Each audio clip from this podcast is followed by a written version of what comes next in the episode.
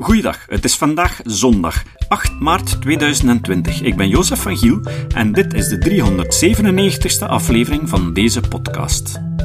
Op 18 januari 2019 overleed Etienne Vermeers, waarschijnlijk de belangrijkste en meest invloedrijke filosoof van de 20e eeuw in de Lage Landen. Zijn invloed op onze huidige maatschappij is moeilijk te onderschatten. Hij was onder andere verantwoordelijk voor de abortuswet en de euthanasiewet in België. Hij was stichtend lid van SCEP en werd stevast gevraagd als opiniemaker in tal van programma's over netelige kwesties, zoals hoofddoekverbod, vrouwenbesnijdenis en de gevolgen van de NIP-test, die veel veiliger, vroeger en zekerder een aantal aangeboren afwijkingen, zoals het syndroom van Down, kan vastleggen. Zijn vertrouwelingen, Johan Braakman en Dirk Verhofstadt, gingen na zijn dood op speleologie in zijn bureau op zoek naar ongepubliceerde geschriften en bundelden die in een nieuw boek. Vandaag horen jullie de boekvoorstelling van die geschriften. In deze aflevering horen jullie Dirk Verhofstadt en Johan Braakman, die geïnterviewd worden door Tineke Beekman. Aan het einde horen jullie nog een korte toespraak door Josiane, de vrouw van Etienne Vermeers. Nagelaten geschriften van Etienne Vermeers. Goedenavond. We zitten hier met de twee samenstellers van het boek en ook twee goede vrienden van Etienne Vermeers, Johan Braakman en Dirk Verhofstadt. Ze behoeven niet echt introductie, maar ik zal het toch even doen. Uh, Johan Braakman doseert wijsbegeerte aan de UGent. Hij doctoreerde ook bij Etienne Vermeers. Hij schreef samen met hem het boek De rivier van Herakleitos, een eigenzinnige visie op wijsbegeerte. En hij nam ook enkele vakken over toen eh, Etienne Vermeers met pensioen ging. En Dirk Verhofstadt, eh, professor media en ethiek aan de UGent. En hij publiceerde ook het succesvolle uh, Dirk Verhofstadt in gesprek met Etienne Vermeers, een zoektocht naar waarheid. We hebben het al gehoord, Etienne Vermeers was legendarisch wanordelijk. Dus toch wel enige nieuwsgierigheid naar hoe jullie dit project hebben aangepakt. En ook de vraag of Etienne Vermeers zich daar zelf over had uitgesproken. Had hij zelf een intellectueel testament? Had hij zelf een visie op wat hij wilde dat eh, met zijn werk gebeurde? Ja, goedenavond allemaal.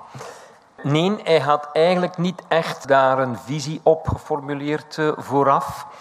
We konden wel verwachten dat hij dat misschien wel wat hoopte, dat daar toch nog iets zou mee gebeuren met allerlei teksten die niet gepubliceerd zijn. We hebben er in het boek opgenomen. En ook teksten die wel al gepubliceerd zijn, maar die, ja, die niemand nog kon vinden. Hè, of die in, uh, niet eens in het Nederlands uh, ooit ter beschikking waren gesteld enzovoort. Maar um, hij had daar geen instructies over, geen visie op, uh, niet gezegd van, gaat dat toch publiceren of zo. Uh, dat heeft hij nooit gedaan. Eigenlijk, nu ik er zo bij stilsta, was dat altijd wel wat zijn werkwijze. Toen ik doctoreerde zo, hij heeft ook nooit gezegd van, tegen volgende maand uh, moet je toch dat hoofdstuk af hebben en zo. Zo werkte dat niet.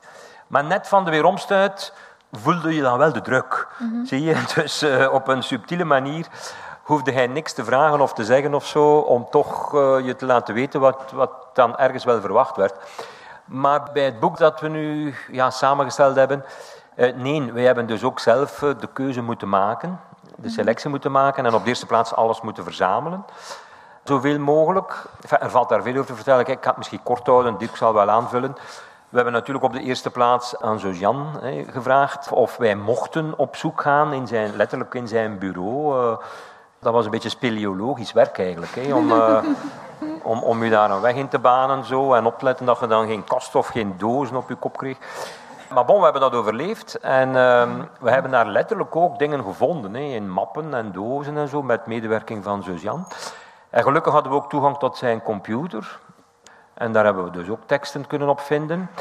En uh, er was zo een, een half afgewerkte bibliografie. Hij had dat zo wel wat samengehouden, maar hij was daar ook redelijk slordig in, dus we hebben dat moeten aanvullen. Maar goed, op een bepaald moment krijg je dan toch zo wat een overzicht van wat er bestaat, of zou moeten bestaan. Er was alleen een ander gepubliceerd. Er is eens een bundel gemaakt toen hij met pensioen is gegaan. Van Antigone tot Dolly. Dus ja, die teksten hoefden we natuurlijk niet meer te zoeken of zo. Die waren al gepubliceerd in een apart boek. En dus zo gaandeweg kom je dan tot ja, een lijst en een, en een bundel van, van teksten. En daar moet je dan een keuze uit maken. Hè. En, en hoe we dat gedaan hebben, ja, daar kunnen we misschien straks iets over zeggen. Ja, een goedenavond ook uh, van mijn kant. Ik kan alleen maar aanvullen wat dat Johan zegt, maar het was niet alleen in een spelonk, het was ook tot op zolder. En uh, ik kan u verzekeren, dat is een, een hele smalle trap. En op die zolder staan nog talloze dozen, dus we hebben niet alles eigenlijk kunnen lezen natuurlijk ook. Dat is ook onmogelijk. Ook op zijn eh, pc hebben we dus talloze teksten gevonden. Dus uh, we hebben op een bepaald ogenblik ook ergens moeten afsluiten, want uh, anders waren we nu nog altijd bezig.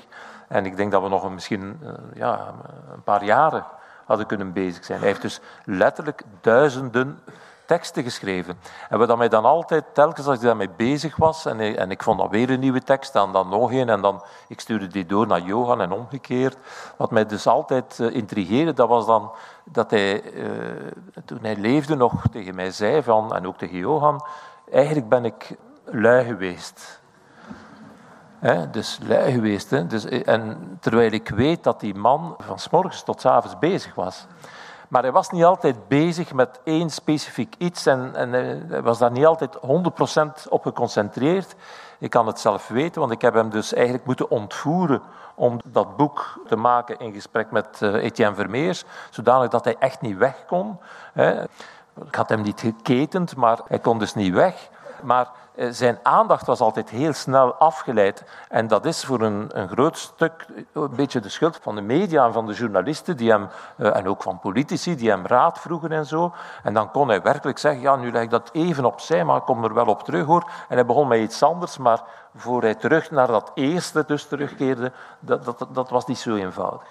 Maar samengevat, we hebben dus uit die, die, duizenden teksten die hij geschreven heeft, een selectie moeten maken.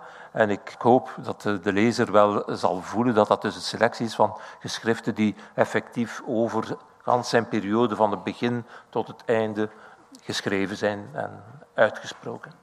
Ja, het valt wel op. Eh, het eerste, de eerste tekst dateert van 1963 en het gaat tot 2018, dus dat is 55 jaar. Dat is echt meer dan een halve eeuw. En ik denk dat het boek ook recht doet aan het feit dat hij ook wetenschapper was. Hè. Dus eh, ik denk dat de mensen hem recent misschien meer kennen omwille van zijn media-optredens, maar hij heeft toch die sterke wetenschappelijke interesse behouden. Wat is voor jullie, die hem zo goed kenden, is er een tekst geweest of zijn er ideeën geweest waarop jullie gestoten zijn die jullie toch verrast hebben? Ja, dus een, een, tekst die ik eh, heel belangrijk vond, en dat is een tekst die ik op zijn pc heb gevonden, droeg als titel Televisie en moraal van, dacht ik, 1978. In de jaren 70. 1978. Nee, nee, exact 1978. Ja, ja. En... er ligt hier geen boek merkwaardig genoeg. Nee, maar goed, ja, ik kan het u verzekeren, het is 1978. Enfin, denk ik toch. Dus, uh, maar wat, wat zo fantastisch is, hij beschrijft er eigenlijk in, dus in 1978, de omslag die in Vlaanderen gebeurt op het vlak van mentaliteit, op het vlak van ideeën, vanaf de jaren 50. En hij, kijkt ook dan vooruit. En wat bespreekt hij daarin? Hij zegt, kijk, er is een omslag bezig van een jenseitsmoraal naar een dieseitsmoraal. En dat klinkt zeer ingewikkeld, maar het is eenvoudig. Wil dat het volgende zeggen? Een jenseitsmoraal is een moraal waarbij men dus zich richt op een leven in het hiernamaals, waarbij men dus gelooft in een hiernamaals en waarbij men dus eigenlijk zegt, wat men vandaag doet is niet zo belangrijk. Je moet je aan een aantal regels houden, maar het leven nadien is belangrijk. Hè? Dus, wat je nu doet, hè, dat heeft een invloed op je leven nadien. En dat is dus in die jaren, de jaren 50, 60, 70, omgeslaan naar een moraal, waarbij men dus zegt, het belangrijkste is het geluk vinden in dit leven. En hij gaf als voorbeeld dan, neemt de seksuele beleving, dat was dus bij de moraal eigenlijk gericht op procreatie. En dat is geëvolueerd in de Decides-moraal naar het hebben van genot. En daaruit distilleerde hij dan twee elementen, heel kort. Het gelijkwaardigheidsprincipe, dat heel belangrijk begon naar boven te komen vanaf de jaren 50, 60. En dan sprak hij over eh, de afschaffing van de kolonisatie, de afschaffing van apartheid, gelijke rechten voor vrouwen, gelijke rechten eh, voor homoseksuelen en dergelijke meer. En aan de andere kant het recht op zelfbeschikking van elke mens. En daar sprak hij zich dan uit, moet u dus voorstellen, nog in die periode dat hij dat moest uitleggen, dat er dus geen verbod mocht bestaan op het gebruik van voorboedsmiddelen, abortus natuurlijk, de abortuswetgeving, patiëntenrechten en natuurlijk dan eh, de wetgeving op euthanasie. Maar eh, nog één ding aan toevoegen, wat zo speciaal is, is dat hij dus in 1978 al al van die zaken besprak en zei van dat moet er komen, hè, want dat, met die verandering van die moraal gaat, moet dat er komen. Hè. Mens wil meer en meer beschikken over zichzelf en hij gaat dus in 1978 eigenlijk al voorspellingen doen van wetgevingen die er later zullen komen. Ja, wat, uh, wat euthanasie betreft was dat al in een uh, tekst van de jaren 60, vroege jaren 70. We hebben er één opgenomen, ja, er zijn er daar verschillende over. We hebben daar een selectie natuurlijk gemaakt. Maar hij verdedigde dat ook al in een uh, televisiedebat. Hè. Volgens zijn eigen zeggen, het eerste op de toenmalige BRT nog over euthanasie, nam hij dus het standpunt in dat euthanasie zou moeten mogelijk uh, zijn enzovoort. Dat was dus vroege jaren zeventig. Dus uh, ja, ik vind het altijd zo'n beetje raar om te zeggen dat mensen hun tijd vooruit zijn. Ik weet niet zo goed wat dat wil zeggen. Maar je kunt wel zeggen, hij had het toch door dat dat er zou komen. Ik heb vele debatten van hem meegemaakt over euthanasie. Nog voor euthanasie dat de wetgeving bestond. Onder andere met zuster Leontine en vele andere mensen. Uh, Hugo van den Enden trouwens, die nog niet vermeld is, was daar ook een zeer actieve medestander in natuurlijk, wat uh, dat punt betreft. Maar goed. En Etienne, uh, ja, je voelde dat in zijn debatten en lezingen daarover, dat hij ervan overtuigd was, dat is nu nog niet zo. Ik spreek over de jaren negentig. Maar dat zal wel komen. Dat is eigenlijk niet tegen te houden. Dus hij ving die tijdsgeest wel goed op. Hè. Dus misschien moeten we over die euthanasie-kwestie wat dieper ingaan, ik weet het niet. Maar je vroeg, uh, Tineke, naar teksten die ons konden verrassen. Ja, het is natuurlijk zo, ja, we kennen hem allebei vrij goed. Uh, en ik kende zijn teksten, toch veel teksten al heel lang vrij goed. Maar er zijn toch altijd zaken die verrassend zijn, dat is wel zo. En nu voor dat boek, we hebben die artikelen, ja, je leest dat op de duur vijf, zes, zeven keer. Hè, want uh, je, je, moet dat nalezen, nalezen, nalezen en, en corrigeren en aanpassen en, en wikken en wegen en zo. Dus, bon. En dan, dan ontdek je soms dingen waarvan je nog niet realiseerde dat dat daarin zat. Of dat dat misschien een veel groter belang had dan wat hij er heeft mee kunnen doen. Toen hij zei dat hij lui was, dan sloeg dat misschien, dat kan meerdere betekenissen hebben, maar misschien daarop. Namelijk van, ik heb zoveel ideeën, ik zou zoveel boeken willen schrijven over zoveel onderwerpen die belangrijk zijn, maar ik heb daar de tijd niet voor, dus ik moet wel lui zijn. Wat natuurlijk niet klopt, maar ik voel dat wel. Hij sprong van het een naar het ander en hij wou met alles wel iets zinnigs doen, want er is nog zoveel te doen. Hè. En een van de zaken die hem natuurlijk heel lang hebben beziggehouden, dat is de ontstaansgeschiedenis van het christendom. En, en naast alles wat het christendom voor onze cultuur betekent enzovoort. En uiteraard hield hem dat uh, van zijn tienerjaren, denk ik, of kinderjaren zelfs in zekere zin al bezig. En gaandeweg heeft hij zich toch ontpopt tot een zeer groot kenner. Er zijn ongetwijfeld hier mensen die dat weten. Van ja, wat men noemt de historische Jezus. Dus de vraag, uh, Jezus, die dus niet de stichter van het christendom was, dat heeft hij ook uitvoerig kunnen aantonen. Dat is een vrij algemeen verspreide stelling in de literatuur daarover.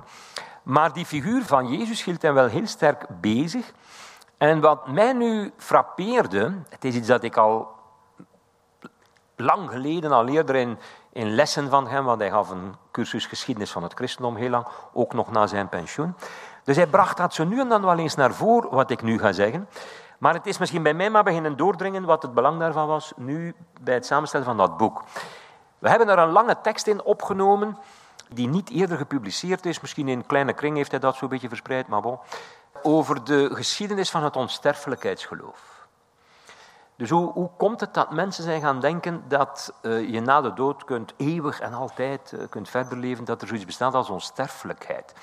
Uh, dat is ook een onderwerp dat hem ook al lang bezig hield en heeft dat bestudeerd bij de Grieken en de Egyptenaren en allerlei andere culturen. En bij het vroege Jodendom bijvoorbeeld in het Oude Testament had je dat eigenlijk nog niet als dusdanig. Dus je kunt dat goed aantonen waar dat zo ontstaan is. En hij kende dat zeer goed. En hij heeft daar dus een, een vrij lange tekst over geschreven, die niet gepubliceerd is, maar nu wel dus, die wij nu hebben opgenomen. En dat was een tekst die hij had gemaakt voor lezingen en ook voor de opname van een hoorcollege en zo. Dus we hebben ervoor gekozen om die op te nemen, mooie lange tekst, niet eerder gepubliceerd. En daarin brengt hij dus de stelling naar voren dat het christendom is kunnen ontstaan ten gevolge van een cognitieve dissonantiereductie bij de volgelingen van Jezus na zijn dood. Dat klinkt misschien wat ingewikkeld, maar ik kan dat kort toelichten. Hij kende die cognitieve dissonantietheorie, dat klinkt ingewikkeld, maar bon, al heel lang, van de psycholoog Vestinger, dat is al uit de jaren 50, vroege jaren 60 zo ontwikkeld. Etienne had daar zelfs een doctoraat over begeleid, van helaas de overleden Freddy Verbruggen, die die theorie had toegepast op een aspect uit de geschiedenis van de scheikunde, namelijk de ontdekking van zuurstof, ten opzichte van de oudere theorieën die uh, verbrandingsprocessen nog aan de niet bestaande stof phlogiston toewezen. En je kunt dat dus op allerlei zaken toepassen. Waar het om gaat is het volgende. Als mensen dus een bepaalde overtuiging hebben, of, of dat kan ook zijn iemand bewonderen bijvoorbeeld, of van iets houden in zeer grote mate, en dan worden ze met informatie geconfronteerd die daar radicaal tegen indruist. Die persoon die je bewondert, dat blijkt eigenlijk een kinderverkrachter te zijn of zo. Of het geloof dat je aanhield over hoe iets in elkaar steekt, blijkt absoluut niet te stroken met de feiten. Nieuw onderzoek toont dat aan, enzovoort. De vraag is dan, wat gaat er dan in het hoofd van die mensen om? Wel nu, moesten wij echt rationele wezens zijn ten volle, dan zou ik er veronderstellen dat je dan zegt, ja goed, ik dacht zus of zo, ik geloofde dit of dat, dat blijkt nu niet te kloppen, ik verander van mening. Want ik krijg hier nu betere informatie. Je zou zelfs verwachten dat mensen blij zijn dat ze kunnen veranderen van mening. Maar zo zitten wij niet in elkaar. Integendeel, die cognitieve dissonantiereductie-theorie, of dissonantietheorie, voorspelt eigenlijk dat mensen dus de dissonantie in hun hoofd, een ongemakkelijk gevoel, ik denk dit en dat blijkt niet te kloppen. Hoe zit dat? Dat geeft een soort wanklanken, cognitief. Dan moet je daarvan afgeraken, dan moet je dat reduceren.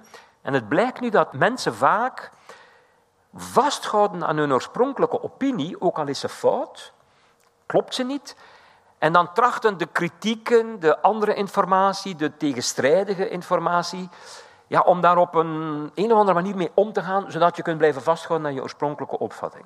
Dat is een lang verhaal, om het nu kort te maken.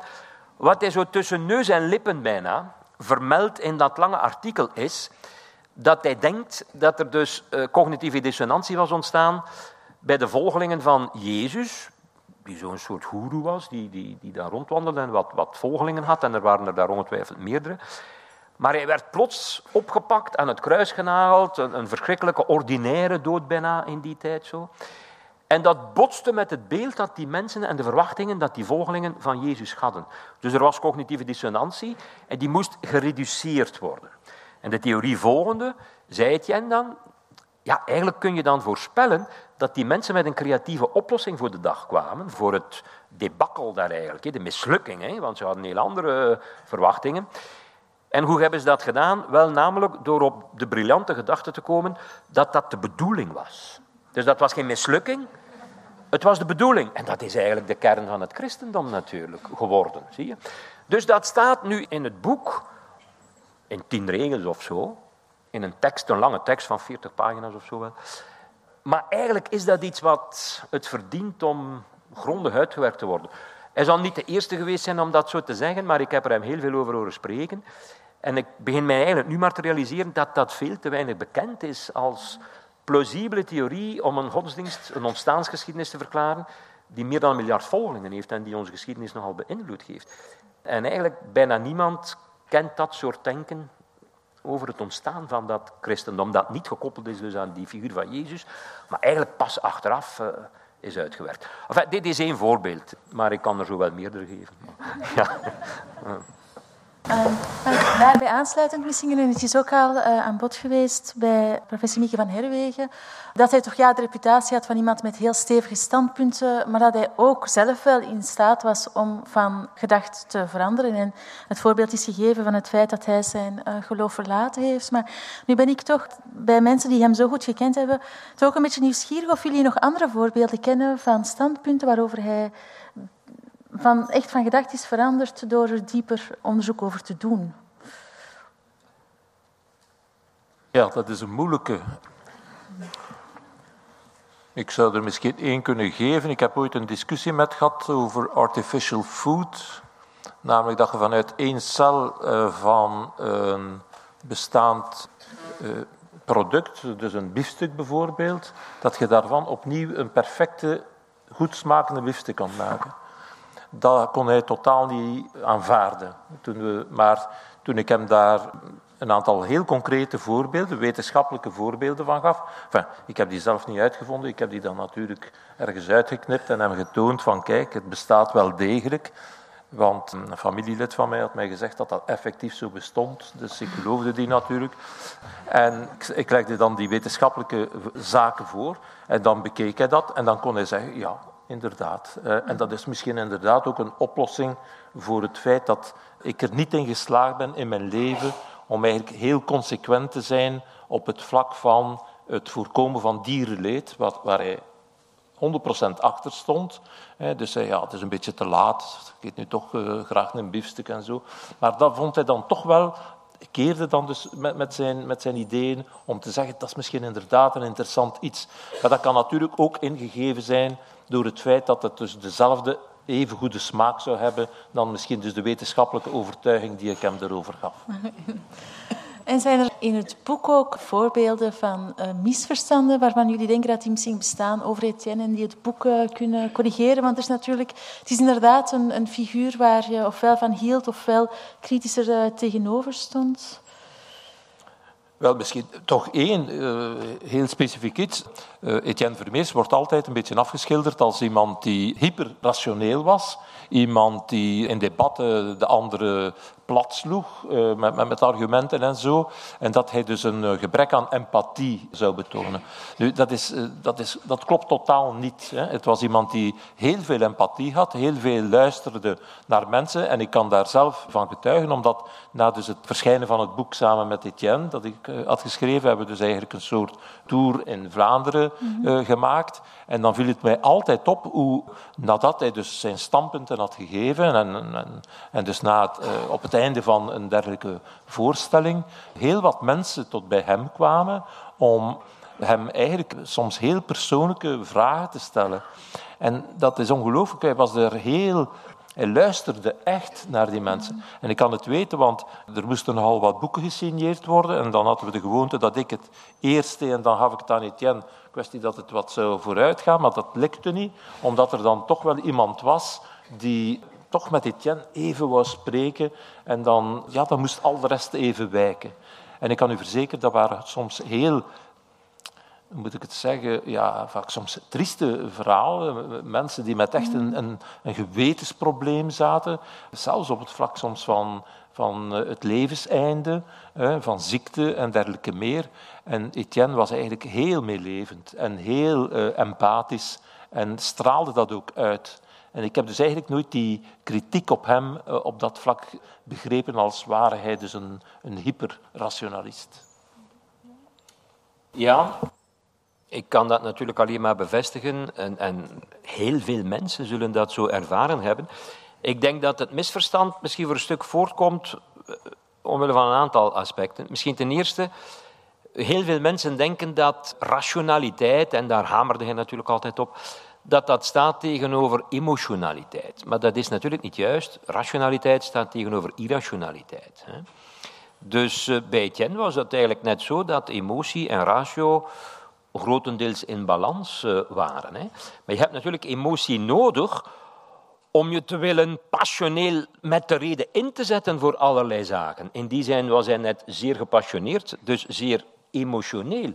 Hij kon zich kwaad maken, hij kon ontroerd worden, hij kon verdrietig zijn. Ja, wat dacht je? Het, is een mens. Hè. Ik zou zelfs zeggen, hij had dat zelfs wat meer dan gemiddeld. Uh, dat verklaart net zijn enorme drive. Maar daarboven had hij ook uh, het, het, geluk, zou je misschien moeten zeggen, dat hij een intellect had dat hem toestond om de zaken zeer grondig uit te pluizen. En ik wil nog even inpikken op je vorige vraag. Is hij van mening veranderd? Ja, natuurlijk, her en der, uiteraard wel maar over de zaken waar hij zich serieus in verdiept had, en hij zei, hij zei dat dan zelf ook zo, had hij zeer zelden een reden achteraf om van mening te veranderen. Misschien details hier en daar en zo. Maar als hij zijn opvatting daarover had, en we hebben het hier gehad al, uh, en ook in het boek over zijn grote thema's, euthanasie, abortus, WTK, bestel, uh, ecofilosofie, uh, dierenrechten, kunst, heel veel thema's, christendom enzovoort ik denk dat hij in de loop der decennia, zo van zijn 25ste tot zijn 50ste, zijn opinies daarover heeft gevormd. En daar is hij dan aan trouw gebleven. Maar ze zijn natuurlijk verdiept in, in kennis, want hij bleef heel veel lezen. Dat, dat blijft mij, of is mij altijd blijven verrassen. Hij gaf mij soms wel wat boeken mee zo, uh, om te lezen. Hij deed dat graag. Ik herinner me nog dat ik bij hem op gesprek ging om een thesis te maken. Dus toen ik student was, ergens jaren tachtig. Een eerste gesprek over die thesis.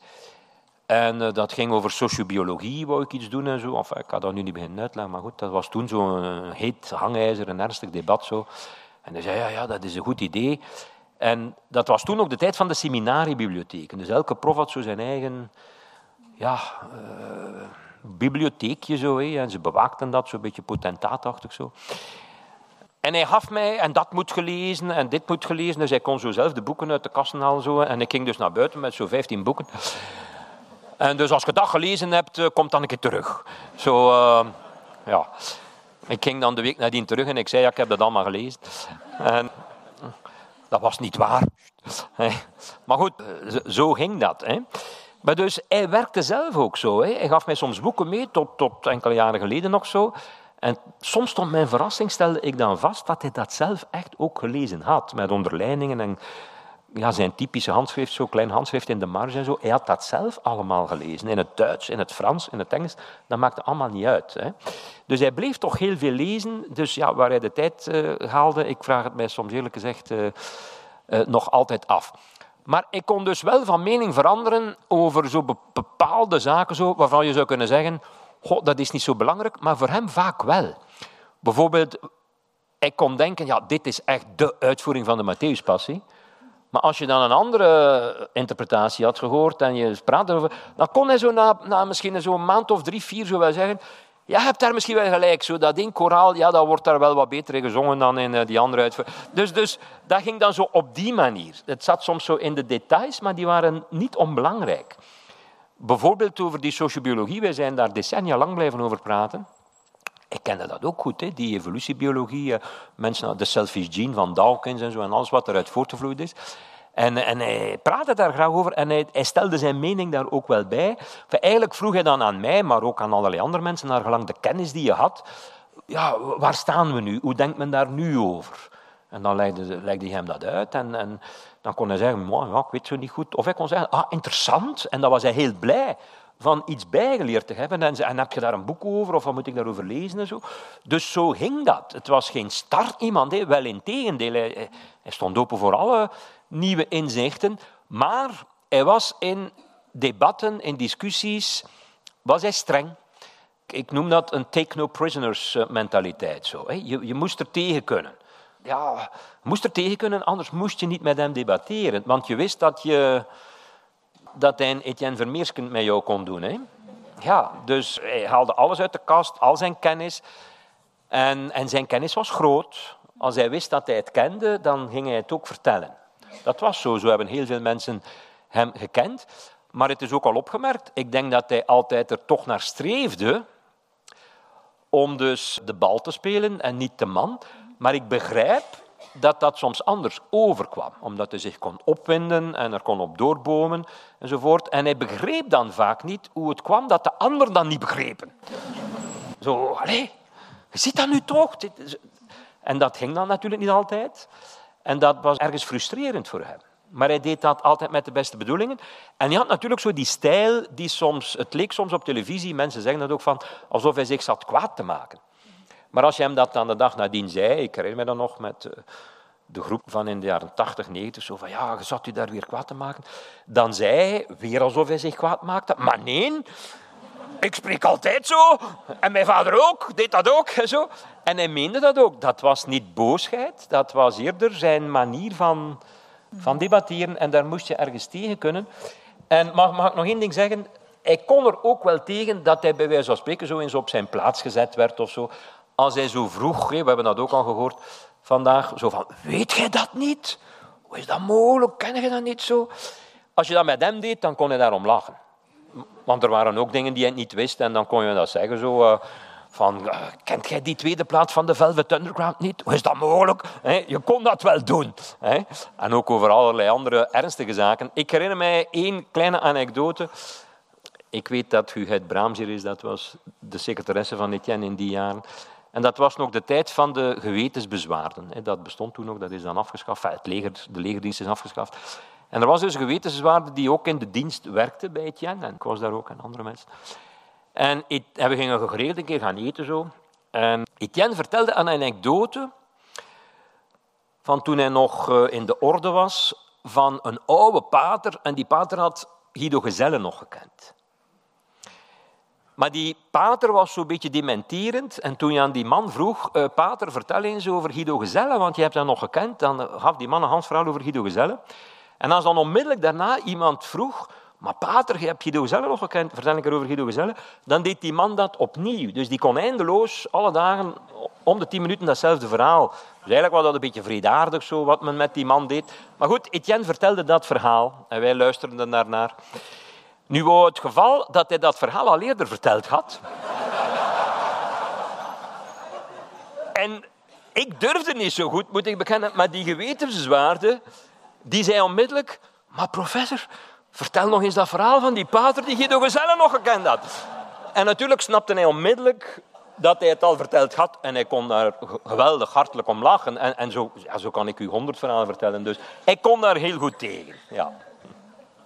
Ja, het is ook al gezegd. Eh, ik vind ook dat het heel erg blijkt, wat u ook zegt in het boek, de enorme openheid. Er staan teksten in over Kierkegaard, er staan teksten in een kritiek op de verlichting van Adorno. En dan zie je met, met welke openheid dat hij altijd ook andere auteurs, andere denkers las, zelfs al zat hij zelf op een andere spoor of, of, of had hij een andere idee. En ik, ik vind het ook heel kenmerkend, precies voor het debat. Er wordt een paar keer gezegd van hij speelt nooit de man, maar altijd de bal. Maar ik vind ook in de een, een, andere, ik zal het anders zeggen, een andere retorische truc die gebruikt wordt heel vaak is de stroopopredenering. Dat is een karikatuur maken van je tegenstander en dan die karikatuur aanvallen. Maar ook dat is iets wat hij nooit deed. Hij geeft eigenlijk in die artikels de meest sterke argumenten, precies ook van denkers met wie hij het uh, niet eens is. En dat vind ik een van zijn grootste uh, kwaliteiten als filosoof. En in die zin vind ik dat Etienne Vermeers, misschien uh, even vragen wat jullie daar ook over denken voor mij is hij niet alleen iemand die heel erg uh, menselijk was, zich heel erg heeft ingezet rond lijden, euthanasie enzovoort. Maar het is ook iemand, denk ik, die in Vlaanderen echt een referentiepunt was wanneer het over het debatteren zelf ging. En het lijkt zo vanzelfsprekend of zo heel gewoon, maar dat is het eigenlijk helemaal niet. Hij had echt wel heel bijzondere kwaliteiten, precies in de, de manier dat hij zo inhoudelijk kon, kon debatteren. En ik denk dat Vlaanderen daar ook heel veel van geleerd heeft. Maar misschien was dat eerder in zijn latere carrière dan, dan in het begin. Dat weet ik niet of dat, dat enkel in zijn late carrière was. Ik denk dat hij van in het begin al toch een, uh, bij wijze van spreken, zijn eigen stijl had. die dan uh, echt opviel, omdat men dat niet gewoon was ook. Mm -hmm. dus zelfs al heel vroeg, ik, ben ik even aan het nadenken, ik dacht daar 1971, als hij een tv-debat over euthanasie... 72. 71, dacht ik. Ja, dat, ja. Dus ja. het zou kunnen. Uh, dus, uh, dus het. Wordt ook al wat hoor. Het is dat. Van welk jaar zijn dus, nee, dus daar, in dat debat ziet je al dat hij dus op een andere manier debatteert dan de anderen. Veel directer, veel natuurlijk sterk op de ratio, ook hevig in het verwerpen van argumenten die door de ander werd naar voren gebracht. Maar dat is inderdaad, in de loop van de jaren is dat altijd maar sterker geworden bij hem. En ik herinner mij, ja, iedereen heeft misschien dat gezien, dat was op uh, Ter Zake, waar hij in een debat ging met, uh, de naam ontsnapt me nu, maar dus, uh, de vrouw, een sociologe die dus een hoofddoek droeg, en waarbij hij dus de discussie aanging met haar om te zeggen, ja, maar, een, zei het, ja, maar die hoofddoek dat staat nergens in de mm. Koran, dat moet je toch niet dragen.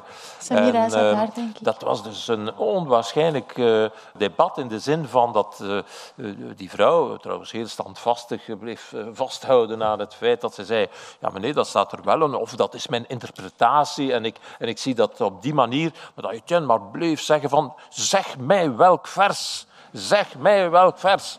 Waarop zij zei, ja maar nee, allez, kom, eh, dat is een, een, een, soort interpretatie. Zeg mij welk vers. En dus eh, op, op dat vlak kon hij dus echt, ja, soms mensen een beetje in moeilijkheden brengen. Hij heeft trouwens ook Een heel bekend debat ook had hij op een bepaald ogenblik met Bertancio. Hè, waarbij dat hij Bertancio werkelijk zodanig in de hoek aan het rummen was dat Bertancio zei... Ja,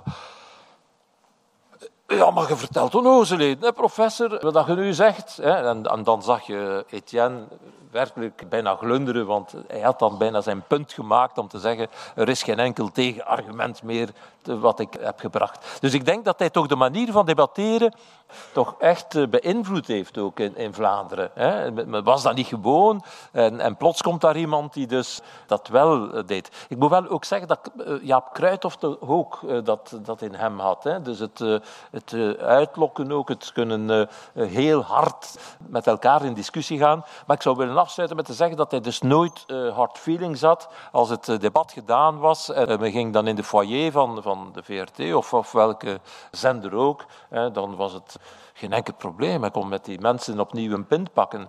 Niet altijd omgekeerd. Maar dus hij wel met, hij wel met die mensen. Het, het probleem was om daar dan weer buiten te geraken. Hè? Ja, dat... ja. Als je het boek leest, dan, dat was toch mijn ervaring, dan uh, is het eigenlijk alsof hij het bijna voordraagt. Hè. Met zijn typische stem, hij is zo heel erg aanwezig. Wat missen jullie, als laatste vraag misschien, wat missen jullie het meest? Of wat zullen jullie het meest missen? Of op welke manier denken jullie dat Vlaanderen hem het meest zal missen? Oef. Allebei misschien. Even. Jij moet beginnen. Ja, dan heb je heel wat tijd om na te denken. Hè. Het is wat intuïtief wat ik nu ga zeggen, hè, maar wat ik mis is aan de ene kant heel persoonlijk de mogelijkheid om de telefoon te nemen en te vragen: heb de dag al gezien of heb de dag gelezen of zo?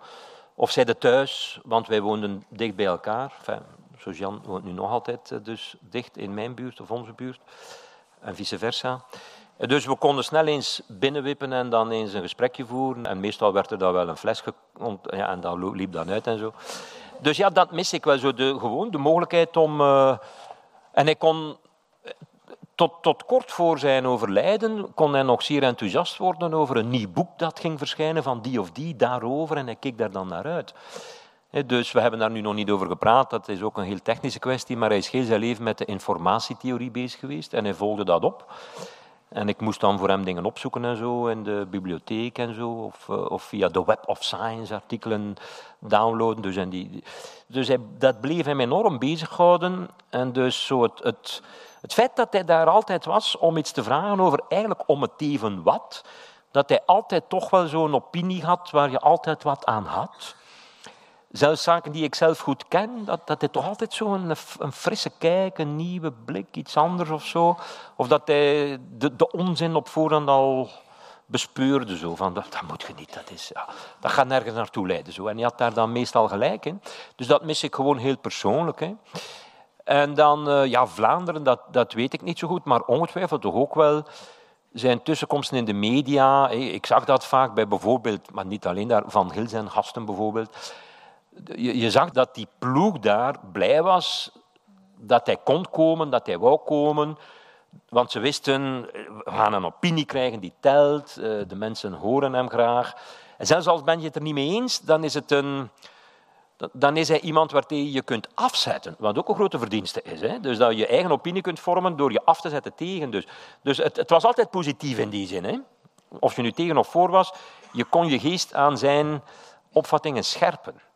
En, en dat is denk ik, daar heeft hij niet een unieke stem in Vlaanderen, maar ongetwijfeld toch een van de belangrijkste. En dat missen we met z'n allen, denk ik. Ja, daar natuurlijk bij aansluiten. In de eerste plaats zeker en vast een persoonlijk gemis. Hè. Dus uh, wat ik mis, ik heb dat ook al een paar keer gezegd, is het, uh, de gesprekken die we konden voeren. Hè. Dus uh, gewoon binnenstappen bij hem.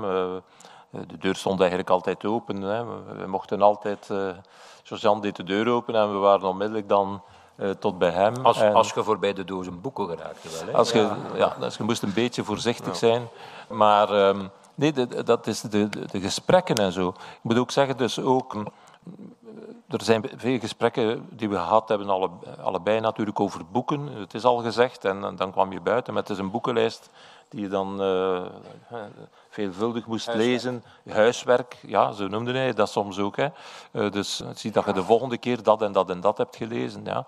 En, maar het was ook een, eh, altijd aangenaam om hem te spreken over uh, actuele onderwerpen en, en dergelijke meer. Dus tot op het einde trouwens. Hè. Dus we hebben echt over, het is even aangehaald met betrekking tot de duim die hij omhoog stak over klimaat en zo. Dus ik wil maar zeggen, dat was tot op het einde dat hij zo was. Maar ik denk dat het niet zozeer van belang is, uh, enfin, dat is natuurlijk ook wel van belang, maar niet zozeer wat, wat wij persoonlijk eraan missen.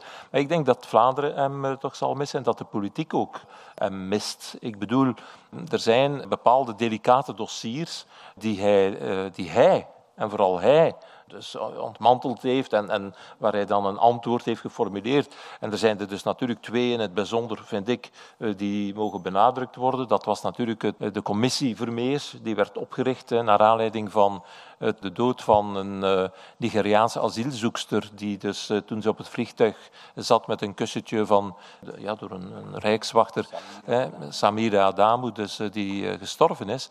En dan, ik denk dat er veel filosofen zouden geweest zijn die het niet zouden aangedurfd hebben om dan te zeggen, ik ga effectief een aantal regels opstellen en ik ga dus een, een document opstellen waardoor een en ander kan geregeld worden of op een meer humane manier kan gebeuren.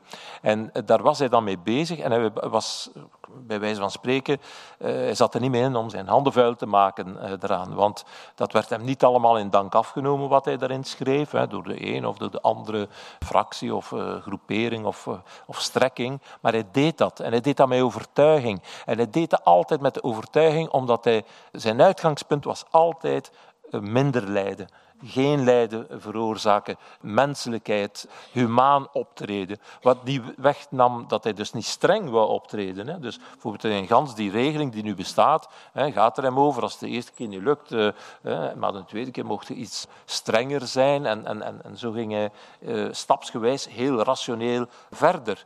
En ik moet zeggen, bijvoorbeeld, bijvoorbeeld die regeling, die heeft er toch voor gezorgd, dat wordt toch algemeen aanvaard, dat het dus op een ja, er zijn daar heel weinig, ik kan niet zeggen dat er geen problemen meer rond zijn, maar veel minder problemen dan in die periode dat dat dus allemaal zo'n beetje, iedereen deed wel uh, hoe, dat hij dacht dat hij het moest doen. En dan natuurlijk het tweede, kunnen we toch, misschien moeten we toch zeker op het einde nog uh, vermelden, is natuurlijk de euthanasiewetgeving.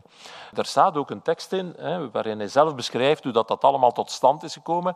En hij was daar heel slim in eigenlijk ook. Hij was daar heel slim in, in de zin van dat hij wist dat hij natuurlijk zijn uiteindelijke eigen overtuigingen niet 100% ging kunnen doorkrijgen, maar door op, op een heel handige manier te werken met verschillende wetsvoorstellen die dan werden opgemaakt binnen het comité van de, bioethiek, eh, dat hij dus eh, een aantal keuzemogelijkheden liet en uiteindelijk is er hij toch in geslaagd niet 100% om datgene wat hij wou, maar toch het zat in zeer grote mate in datgene wat hij wou bereiken. En eenmaal dat er was, zei hij, maar nu moeten we een stap verder gaan. Dus dat was ook dan, dan weer zijn stijl. Maar ik denk dat als je dat allemaal van op afstand wat bekijkt, dan heeft het toch onvoorstelbaar veel betekend.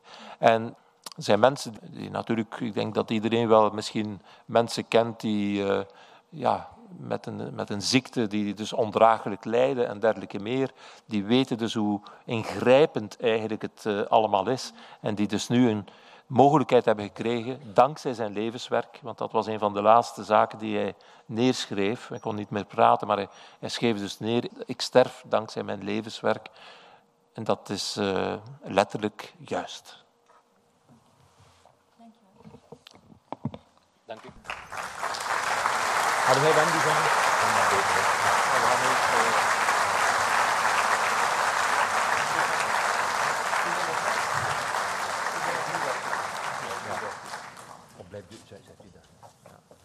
Josiane had nog een kort woordje zeggen. Geachte aanwezigen, graag zou ik een paar woorden van dank willen uitspreken. Eerst en vooral wil ik jou, Johan, en jou, Dirk, uit de grond van mijn hart danken, want zonder jullie beider inzet zou dit boek hier niet liggen. Ik vind echter geen gepaste woorden om mijn erkentelijkheid uit te drukken. Dank voor jullie vriendschap. Ik dank ook jou, Alice, ik weet niet waar ze is, uh, en de uitgeverij Houten Kiet voor de jarenlange goede samenwerking met Etienne. Ik wil van de gelegenheid gebruik maken om de universiteit, de decaan, de vice-rector en in het bijzonder onze rector, die niet aanwezig kon zijn, te danken voor de oprichting van een leerstoel ter ere van Etienne. En ik wens Maarten Boudry veel succes toe. Ik keer nu terug naar het jaar 2014, toen Johan, Dirk en Tom samen met de vakgroep Filosofie en Moraal een groot feest organiseerden ter gelegenheid van de 80ste verjaardag van Etienne. Toen ook zat deze zaal vol.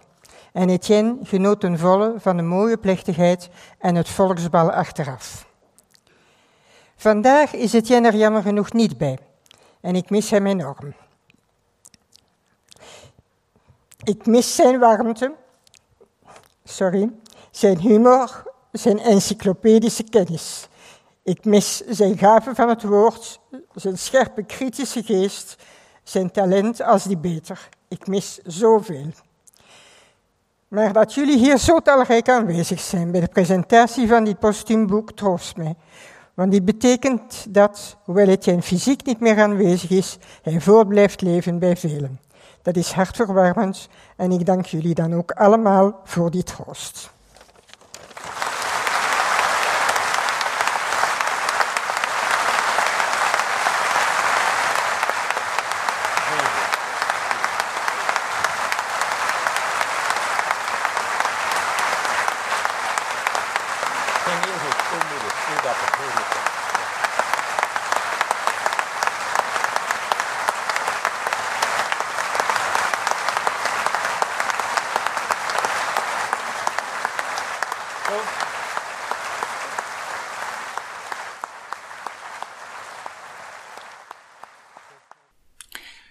Ik ben ook al in de woonkamer van Johan Brakman geweest en daar alle boeken aanschouwd die hij ooit heeft gelezen.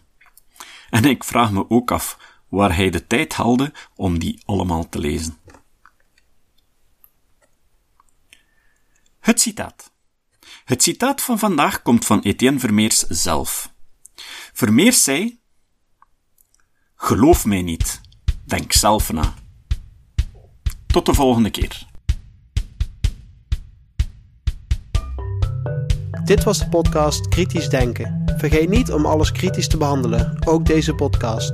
Voor verdere informatie over deze podcast, links en voor de tekst, surf naar www.kritischdenken.info. Als je deze podcast belangrijk vindt, kun je me steunen door anderen warm te maken ook eens te luisteren. Stuur een e-mail naar vrienden met een link naar de website en plaats de link in de handtekening van je e-mails.